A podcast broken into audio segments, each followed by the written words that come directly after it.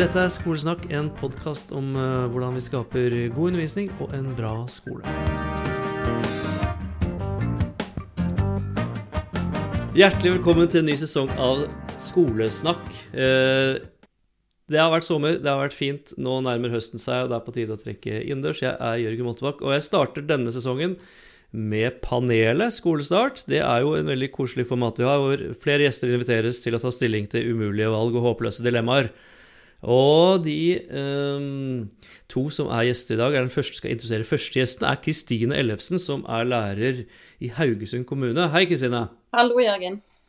Hjertelig velkommen. Du, jeg vet om deg at du har vært lærer siden 2004 og har spesialisert deg innen alternativ kommunikasjon, ASK, og driver med kursvirksomhet uh, innen det. Og så uh, jobber du med digitalt forlag og har mange jern i ilden. Eh, hva er, kan du bare si hva er det for noe? Er alternativ kommunikasjon? Ja, Alternativ og supplerende kommunikasjon det er jo et fagfelt der du skal legge til rette for eh, at det er folk som har problemer med sin tale, da, i hovedsak, kan eh, få tilgang til å kommunisere med hvem de vil, når de vil, på den måten de ønsker. Det er liksom hovedmålet med det. Spennende. Det høres egentlig ut som en idé til en helt ny podkastepisode, som kanskje vi kan lage senere en gang. Jeg må bare si til lytterne ja, jeg må bare si til lytterne hvordan du ble gjest nå, for du har jo sendt flere meldinger. Eh, sånn tilbakemeldinger på podkasten, og så sendte du meg en melding nå hvor at du finner ikke den episoden om lekser. Eh, eller er det ønsketenkning at det finnes en episode om lekser? Og så sa jeg det er ikke laga, men det kan vi jo lage, og da kan jo du kanskje være gjest. Og sånn ble det til. Um, så det var veldig artig. Jeg er veldig glad for alle meldinger. Vel, vi har jo en gjest til med, og for uh, gamle lyttere så er det ingen bombe at det er Erlend Kobro himself. Uh, hei, Erlend. Hei, Jørgen. Hyggelig å være tilbake på panelet her i semesterstart. Ja, veldig, alltid veldig hyggelig å ha deg med. Hvordan har Eller vil du Det kan jo være noen nye lyttere også. Har du lyst til å presentere deg med tre, tre ord? Ja. Eh, lærer før nerd. Det var tre ord. Ja, komma etter før, kanskje, så blir det Ja, lærer. Ja. Så jobber du i LearnLab uh, fremdeles, går jeg ut fra? Eller du har ikke bytta jobb i sommer? Nei, det har jeg ikke. Jeg jobber i LearnLab som digital, eh, leder for digital utvikling. Ja. Uh, og så tenker jeg, du har jo informert uh, lytterne i Skolesnakk tidligere heftig om privatlivet ditt. Er det noe Mm. nytt å melde? Jeg Ja, jeg er, er jo nygift, da. Ja, gratulerer. Hjertelig takk. Så det er foreløpig eh, vellykka ekteskap. Det er to uker gammelt, så hvis ikke det hadde vært vellykka så langt, så ville det vel kanskje vært et problem. Men eh, vi, eh, vi er på den såkalte rosa skyen som vi har hørt Ja. så mye om, og som jeg tenkte at ja, særlig, men den er der, den. Ja, så koselig. Hmm. Nei, det høres jo veldig koselig ut. Det er bra.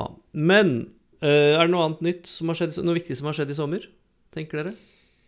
Ja, vi, har jo, vi er på vei inn i, eller er midt inne i bølge tre. eh, denne Fire, gangen- faktisk. Ja, eller fire. Denne gangen eh, kanskje litt mer vaksinert enn før. Eh, Det er jo et spennende ting. Og så er det jo mye prat om valg, da. Ja. Det er jo interessant ting her når folk lurer på hvorfor gjør myndighetene alle de rare tingene de gjør med smittevern, og så noen sier 'husk det er valgkamp'. Så da blir man litt, eh, litt eh, desorientert. Hvordan er det i Haugesund med liksom rødt nivå eller grønt og, so og smittetrykk og sånn? Nei, her har det på en måte Smittetrykket har egentlig vært litt stort, men eh, det har vært fantastisk å åpne skole på grønt nivå. Så vi ligger fremdeles på grønt nivå, og jeg går og hele tiden lurer litt på er det gult i morgen. Men enn så lenge. Mm. Ja. Nei, jeg har også sagt til mine elever vi vet ikke hva som skjer i neste uke. Vet ikke hva som skjer om noen uker. Jeg sitter, eh, Akkurat nå når vi spiller dette her, sitter jeg og venter på melding fra en elev som venter på test. Testresultat. Eh, og det er jo egentlig bare å venne seg til det, tenker jeg. Vel. Eh, la oss komme i gang med revolverintervju og dilemmaer. Um, påstand nummer én, eller spørsmål nummer én, og da er det det du spurte om i meldingen din, Kristine. Lekser. Er det eh, framtidsrettet eller avleggs? Erlend? Avleggs. Kristine? Absolutt avleggs. Da går vi videre til neste tema. Uh, nei da. uh, ok, hva er, det, hva er det som er så avleggs med lekser? Begynn da, Kristine, som er i jeg hver dag. Vi som holder på. Nei, Det som jeg på en måte reagerer sånn på akkurat med det, det er liksom hvis at jeg skulle sagt det, altså, det kan si veldig mange ord om skole og god skole. Men jeg vil tro at mange kjenner seg igjen dette med tilpassa undervisning. Med mye variasjon. Og med at det skal være engasjerende. Det er liksom sånn tre headliner jeg tenker at er bra i skolen. Men så når det kommer til lekser, da, så skal det være ikke noe særlig sånn tilpassa. Eller elevene kan gi beskjed hvis det er for mye. Ta litt ansvar for det sjøl. Eh, det skal være nesten de samme leksene hver uke i år etter år. Og det skal være egentlig litt sånn kjedelige lekser som ikke skaper noe engasjement. Sånn satt på spissen. Eh, og det tenker jeg at det må jo bare altså Handler ikke skole og lekser om samme ting, tenker jeg, når jeg ofte ja, kommer i leksediskusjon. Mm. mm. Ja, nei, Kristine er jo inne på essensen her. Og når jeg snakker skole, så Jeg har jo også jobba som lærer i mange år. Nå gjør jeg ikke det lenger, så derfor er det vanskelig å liksom komme med de helt sånn praksisnære eksemplene som ikke blir veldig sånn anekdotiske og gamle. Men jeg bruker ofte liksom hva, hva er det vi driver med? Hva er målet med det vi holder på med? Og formålet med opplæringen, som er nedfelt i paragraf 1 i, for, altså i eh, opplæringa om eh, lov om opplæring i Norge. Det ble en knotete formulert uh, setning, men poenget her er at det, det, er helt tydelig uh, formål med hva vi driver med i skolen. Og jeg finner ingenting i det formålet som støttes av lekser, men jeg finner en hel masse ting hvor lekser motvirker formålet. Og, og da blir jo problemet ganske stort når man tenker at Skolen skal ifølge for, formålsparagrafen, formålet med opplæringa, den skal åpne dører for verden og fremtida. Den skal bidra til økt lærelyst og engasjement hos elevene. Eh, den skal gi de krav og utfordringer som fremmer dannelse og lærelyst. Og alle former for diskriminering skal motarbeides. Og for de okay, som kjenner Jeg må spørre bare, kan du dette utenat, eller sitter du og leser? Dette kan jeg utenat. Ja, det vet hva det vet jeg ikke om jeg tror på. Men jo, jo imponerende. Det kan, det kan jeg eh, si at han vet. For dette spurte jeg Erlend om når jeg eh, skulle inn i denne diskusjonen på skolen som vi skal nå. Og når jeg spurte han om det, så kom det svaret på ca. akkurat uh, ja, jeg, jeg, har alltid en fane med norsk opplæringslov åpen, så jeg kan sitere fortløpende. Nei, altså, Jeg har brukt dette som en del av flere av foredragene jeg har holdt, hvor jeg har sitert paragraf 1 fordi jeg syns den er så viktig. Og den er over læreplanen, den er over overordna del, og den er i hvert fall over kompetansemålene. Eh, og den er i hvert fall, hvert fall over praksisen som vi har eh, på en måte eh, undervist oss inn i gjennom 10-20-30-vis av år. Og særlig siste, den siste setningen syns jo jeg er påtagelig at det skal motarbeides diskriminering og det er ingenting jeg vet om i norsk skole som er så diskriminerende som lekser. Fordi vi vet, vi vet, hvor enormt stor fordel det er å ha foreldre som er akademiske, ha foreldre som er på et høyt utdanningsnivå, som har eh, et, et høyt sosioøkonomisk nivå når man skal i gang med å lære noe av lekser. Fordi hvis ikke vi hadde trengt hjelp når vi jobber med skolearbeid, så hadde vi ikke trengt skolen. Sånn at det er en fallitterklæring å sende lekser hjem og si at dette klarer du selv. Det gjør vel ikke. Hvis, hvis, de klarer det selv, så kan de det allerede. Sånn at de elevene ja. som får hjelp, de vil ha glede av det. De elevene som ikke har ressurser hjemme til å få den hjelpen, de vil ikke få hjelp av det. De vil altså diskrimineres og ikke ha mulighet til å lære like mye som de elevene som har gode ressurser hjemme. Ok, nå skal jeg teste ut en idé på dere. Fordi Du sa du skulle ikke komme med gamle anekdotiske ting, men det skal jeg gjøre. 100 år tilbake så gikk bestemoren min på skole. Og hun, når hun hadde gjort noe ulovlig, da, f.eks. lest litt lenger i boka enn det læreren hadde sagt, så fikk hun velge mellom to ulike typer straff. Det var enten skammekroken eller spanskrøret. Og Spanskrøret var å legge hendene på pulten, og så slo, nå viser jeg til gjestene her, hvordan, så slår læreren og straffer over fingrene. Og Jeg pleier å spørre elevene mine um, hva de tror hun valgte, og, og de blir overraska når jeg sier at hun valgte spanskrøret fordi det var så skamfullt å sitte i skammekroken. Mm. Og Poenget mitt er at mine elever vet ikke verken hva spanskrør eller skammekrok er. Det er ord som er gått ut av språket. Og jeg, Det jeg opplever litt, er at ordet lekser er et sånt gammelt ord som vi egentlig burde slutte å bruke det. Eh, fordi med en gang du begynner å diskutere det, så har folk så veldig mange bestemte meninger om hva det er. Og det jeg lurer på, er kunne vi Altså Hvis vi bare kutter ordet, da, og så snakker om Bør ikke elevene ha noe forarbeid og etterarbeid? Bør de ikke ha noe forberedelse eller repetisjon? Er ikke det greit? Mitt svar til det er så lenge det åpner dører for fremtida, bidrar til at elevene utvikler Du skjønner poenget mitt her. Så lenge du eh, tar så lenge du respekterer nyansene i norsk læreplan, inkludert opplæringsloven som ligger til grunn for den, så kan elevene få lov til å gjøre akkurat hva du vil. Men så lenge du ikke følger loven eller læreplanen, så har vi et problem, du og jeg. Men det som jeg òg tenker er i forhold til dette med, som det er mye snakk om for tida, dette med elevinvolvering.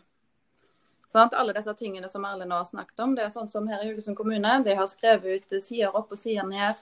Eh, ja, alle disse gode tingene om at eh, kanskje en bør begynne å tenke annerledes, Om vi vil ha leksebevisste skoler, alle disse tingene. Men så er det dette med elevinvolveringen, da, når en spør elever. Og Der har jeg på en måte forska litt nå. Jeg har hatt femte klasse det siste i fjor. Der hadde vi så å si helt leksefritt hele året. Vi hadde liksom, De kunne få lov til å lese alt de ville. Hvis vi holdt på med et prosjekt, så hadde de lov til å jobbe med det selvfølgelig videre hjemme. Så de hadde liksom litt lekser innimellom, men stort sett leksefritt. Så nå I forrige uke så hadde jeg en liten sånn, eh, tok de med på et forskningsprosjekt. Der kalte de for det sånn at de skulle liksom se, skjønne at det var viktig, det de var med på.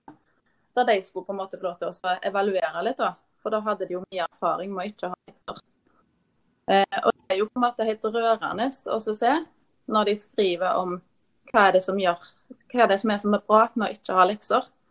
For Jeg så jo for meg at det ble masse svar på at vi får mer fritid. Og vi får mer, eh, være mer med venner. Det var liksom den jeg så jeg tenkte jeg gikk igjen.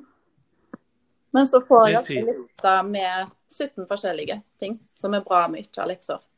Og Hvis jeg liksom som lærer skulle valgt å ikke hørt på deg, så ja. Jeg tenker det er kjempeviktig. Jeg kan lese opp noen hvis dere har lyst til å høre. Ja, har du det der? Ja, jeg har det her, skal vi se.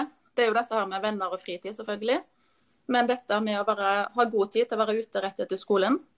Eh, jeg leser mer enn før. Jeg er blitt mer glad i å lese. Det er mindre diskusjon om oss hjemme. Det er mer tid med familie. Det er så deilig å ikke ha lekser. Det blir ikke travelt, og en slipper stress.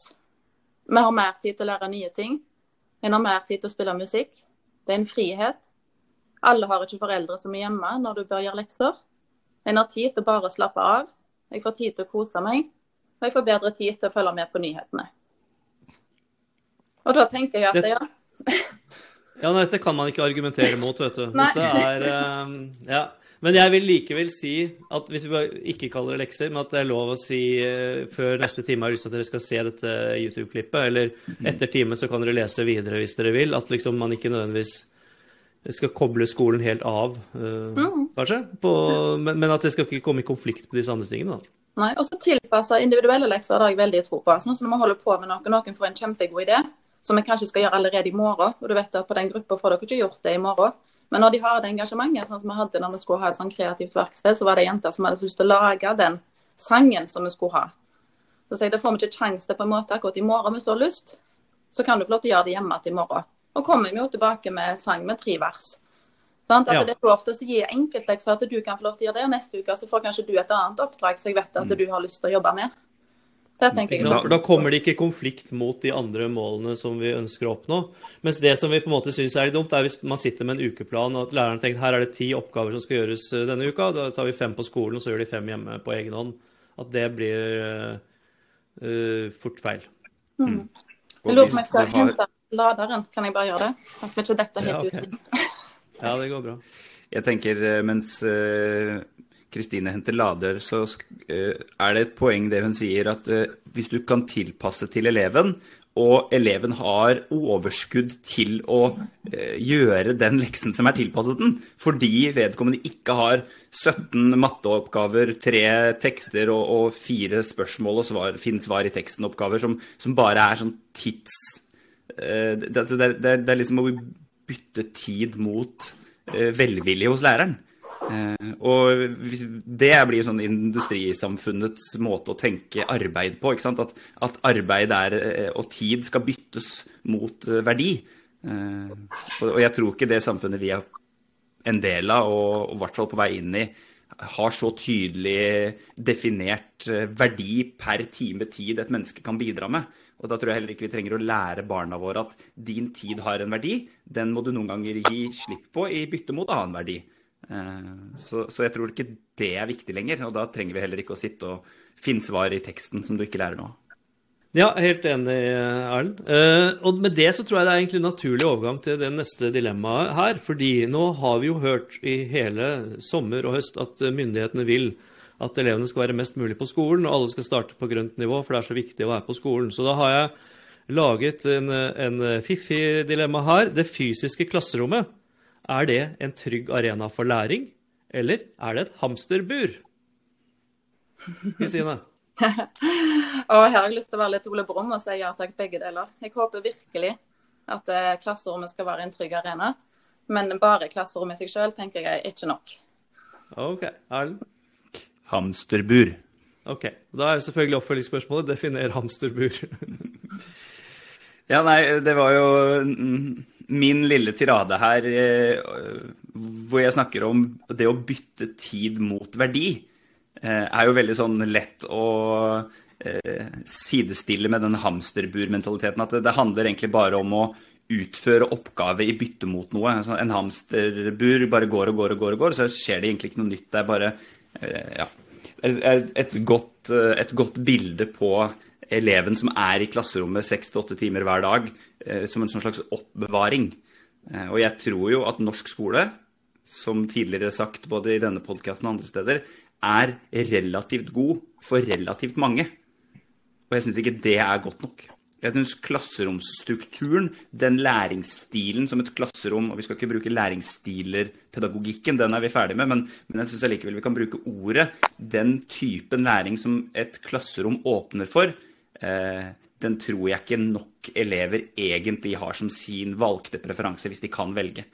Eh, og Derfor så tenker jeg at eh, for all del, de elevene som vil sitte i klasserommet, prate med læreren, prate med medelever, og stort sett gjøre det hver dag, skal vi legge opp til at kan få gjort det. Men la oss nå også legge opp til at de elevene som ikke får til å lære i den konteksten, har et godt alternativ. Mm.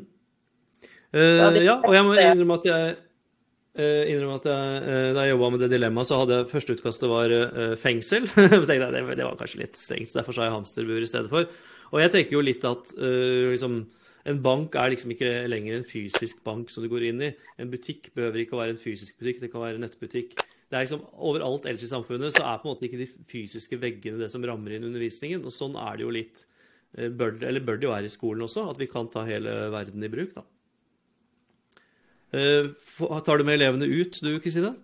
Ja, det er jo liksom en av de tingene da, når jeg gikk fra å være veldig spesiallærer i veldig mange år, og har holdt på med mye tilrettelegginger i forhold til ulike ting. Vanesak for meg. Og uteundervisning. Så vi har hver tirsdag så har vi uteskole. Hva syns elevene om det, da? De at de elsker skole. Men det er ganske mange ganger jeg har hørt at de sier at de elsker uteskole. Og hvis vi har sånn loggbok der de skal skrive noe du vil fortelle, så er det mye. Eh, tirsdagene og uteskole som går igjen. Og en ny elev vi fikk nå denne høsten, som sikkert ikke har vært vant med det, det er det han liksom eh, snakker om og forteller og skriver om. Og ja, både hjemme og på skolen så er det de dagene der, for det har noe med den inkluderingsbiten. Eh, da føler vi at vi virkelig får til tilpasset undervisning og den inkluderingsbiten. Men blir det noe annet enn trivsel og sosialt tiltak? liksom Denne læringen som man er så opptatt av? Ja, det, vi, det føler vi absolutt. At vi har veldig mye faglig utbytte av det. Så jeg føler vi får inn eh, mye som de husker bedre av temaene på de dagene der. Fordi en gjør noe med hele kroppen. Da kan vi ta det tilbake. Husker dere når vi var på den toppen, eller husker dere når vi var i den parken? Da husker de mer med en gang hva var det vi snakka om der. Ja, ikke sant. Og jeg tenker jo at Det også er en ting, det er så mye sånn snakk i offentligheten om hjemmeskole i forbindelse med pandemien. At du enten er i klasserommet eller så sitter du hjemme og ser inn i kamera. Mens vi burde jo hatt uteskole. Det er jo ute i friluft. og Man kan være sammen ute, eller man kan sende ungene ut hver for seg hvis de da er hjemme. altså Gå ut og ta et bilde av noe. Og dette kommer jeg på, dette har jeg jo en hel episode om i backlisten med Frøy Astrup fra i vår. Hun har skrevet bok om uteskole, så jeg anbefaler både den episoden og, og boken hennes. Det gjør jeg. Eh, vi skal ta tredje og siste um, dilemma, som er, ikke er, kanskje er så vanskelig. Skoleår 21-22, altså det vi har startet på nå. Er du optimist, eller er du pessimist? Sånn generelt, Erlend? Eh, optimist. Ja, det må Ja, alltid, en må alltid være optimistisk, tenker jeg. Litt sånn livsfilosofi. Hva er det du tror, hvilke bra ting tror du kommer til å skje? Du at vi har jo fått en gave med denne fagfornyelsen. Så jeg tenker jo mer eh, lærere der ute leser i den. Og eh, ser litt bort ifra kompetansemålene, men virkelig leser eh, hoveddelen av den. Så kan veldig mye bra skje for norsk skole. Mm. Hva da? Hva drømmer du om? Eh, nei, enda mer. Jeg tenker eh, Det er vel Spurkland som har vært inn på det, men dette med at det skal være en elevvennlig skole. Mm. Erlend, hva tror du hvilke good things kommer til å skje? Eh, nei, altså Jeg er jo privilegert i det at jeg får lov til å dra og besøke veldig mange forskjellige skoler. Og eh, nå får vi faktisk lov til å dra og besøke skoler igjen. Og da ser man jo helt andre ting enn man ser når eh, lærere snakker om sin praksis og hvordan de holder på på sin skole. Det jeg ser nå når jeg er rundt i klasserom, når jeg er rundt på personalrom, er et helt annet fokus på temabasert undervisning, periodeplanlegging, eh, tverrfaglig fokus inn i perioder. Og jeg ser at skoler som er kanskje eh, relativt tradisjonelle, basert på min vurdering tidligere, nå har store planer hengende på lærerrommet hvor det står liksom eh, denne måneden jobber vi med tema kolon et eller annet. Denne perioden jobber vi med det. Og jeg ser til og med på timeplanen til eleven så står det nå i mindre og mindre grad norsk, engelsk, samfunnsfag osv. Og, så og så står det liksom tema økologi, tema eh, identitet, tema jeg i mitt samfunn, tema flokken min. Te, og sånn, og fantastisk ja, ja, ja. Og så står det med små bokstaver under matte, norsk, samfunnsfag. Engelsk, KRLE, kunst og håndverk. Og da tenker jeg bare Altså, siloene er for første gang så lenge jeg har agert i norsk skole, på vei til å smuldre litt. Og ja. det er jo fantastiske nyheter. Og det jeg synes også, jeg, jeg ser det samme. Jeg, var I går så var jeg på Mæla skole i Skien, og de hadde sett meg på forhånd. disse så årshjul de har laget. som er te altså det er så, Jeg har lyst til bare å dele det med alle, fordi det var så kult med, med temainndeling og tverrfaglighet over hele rekka. Og det jeg opplever også, um, i hvert fall alle de skolene jeg jobber med, at det er liksom vilje blant lærerne til å ta tak og gjøre endringer selv. Vi sitter ikke og venter på at myndighetene altså Fagfornyelsen er selvfølgelig styrt av, av myndighetene, men, men, mye av det andre, f.eks. innenfor vurdering. Eh, for der også står det jo liksom at vurderingens formål er bl.a. Liksom, å skape lærelyst. Det står ikke at vurderingens formål er å rangere elevene fra 1 til 6, eller rangere elevene innad i klassen. Og da, liksom, da, må vi bort med ting. Slutte å gjøre ting. Det, det, det er gammeldags ting som vi må fjerne, og så skal vi begynne å jobbe på en annen måte. Og Der var jeg over i et helt annet tema, selvfølgelig. Men jeg håper jo, hvis jeg skal si noe om hvorfor jeg er optimist, for jeg er også det, så er det at over hele linja så kutter man ut masse av liksom de karakterene og hele sinnssyke vurderingsfokuset, og jobber med tema og jobber med læring i stedet for, stedet for eh, det, altså. Mm -hmm. Kjempeviktig poeng, det med vurdering. Og at en heller kan gjøre den vurderingen i klasserommet enn å sitte alene etterpå. Da føler jeg ikke det skjer så mye vurdering. Nei, det å sitte hjemme med papirer, ark som elevene har skrevet, og gjette på hva de har tenkt, eh, mm. og lure på hvorfor de har gjort dette her, og så skrive noe basert på det, i stedet for faktisk bare snakke med dem og, mm. og spørre eleven selv. Hva tenker du, liksom? Hva, hva, lærte du om dette her, og i så fall hva? Yes. Og så jeg må si bare én ting. Mm. Nei, det var bare det jeg skulle understreke. At i den kommunikasjonen med elevene, det er jo da det skjer. Det er jo da læringen skjer, på en måte. Det er da de kan spørre, og det er da du eh, plutselig oppdager at Og der skjønte du hva faktisk en tredjedel betyr for noe. Fordi vi kunne diskutere det. Ja, ikke sant. Mm. Jeg er også ganske spent på liksom, koblingen mellom digitale og fysiske framover, naturlig nok. Uh, på hvor mye vi skal jobbe med digital undervisning, såkalt hjemmeskole eller uteskole, eller hva vi skal kalle det, hvor mye vi skal være fysisk sammen. Og jeg håper at dette året fortsatt blir som en sånn sandkasse hvor vi lærer nye ting og finner ut nye ting. Um, og ja. Og så kan jeg si jeg har skrevet en bok i vår som kom ut nå for to uker siden. En bitte liten, tynn bok om uh, nettbasert undervisning, klasseledelse på internett. Uh, og den er sånn, Jeg håper at den blir utdatert i løpet av ti måneder. jeg håper at liksom, Når dette skolen er over, tenker jeg så, ja, nå har den uh, boken gjort sin jobb. Nå har vi lært nye ting. Nå må vi heller bare skrive en ny. Det er en sånn forhåpning jeg har. Nei, I forhold til det med digital undervisning, at det er jo kanskje noe som kommer inn i eh, skolen. At en kan f.eks. hvis en skal holde på med et prosjekt og en ser at neste uke så kan det være like greit at det, eh, vi sitter litt hver for oss og at vi kan spørre hverandre der, at det faktisk går an om eh, en viss tid. At en kan velge å ha litt den valgfriheten òg når det gjelder det.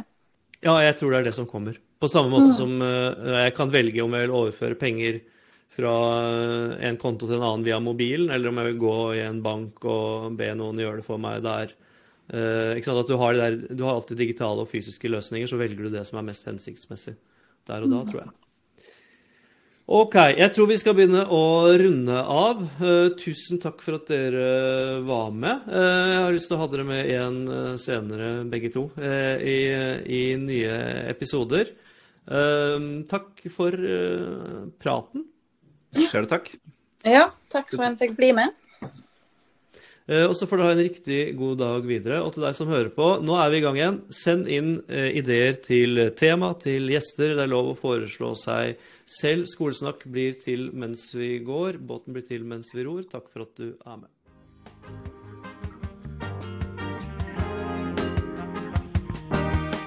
Dette var en episode av podkasten Skolesnakk. Ta og Abonner på denne podkasten, og sjekk ut arkivet. Der ligger det mange episoder. Jeg legger også ut eh, greier på Instagram og på Facebook-siden, så følg podkasten der også.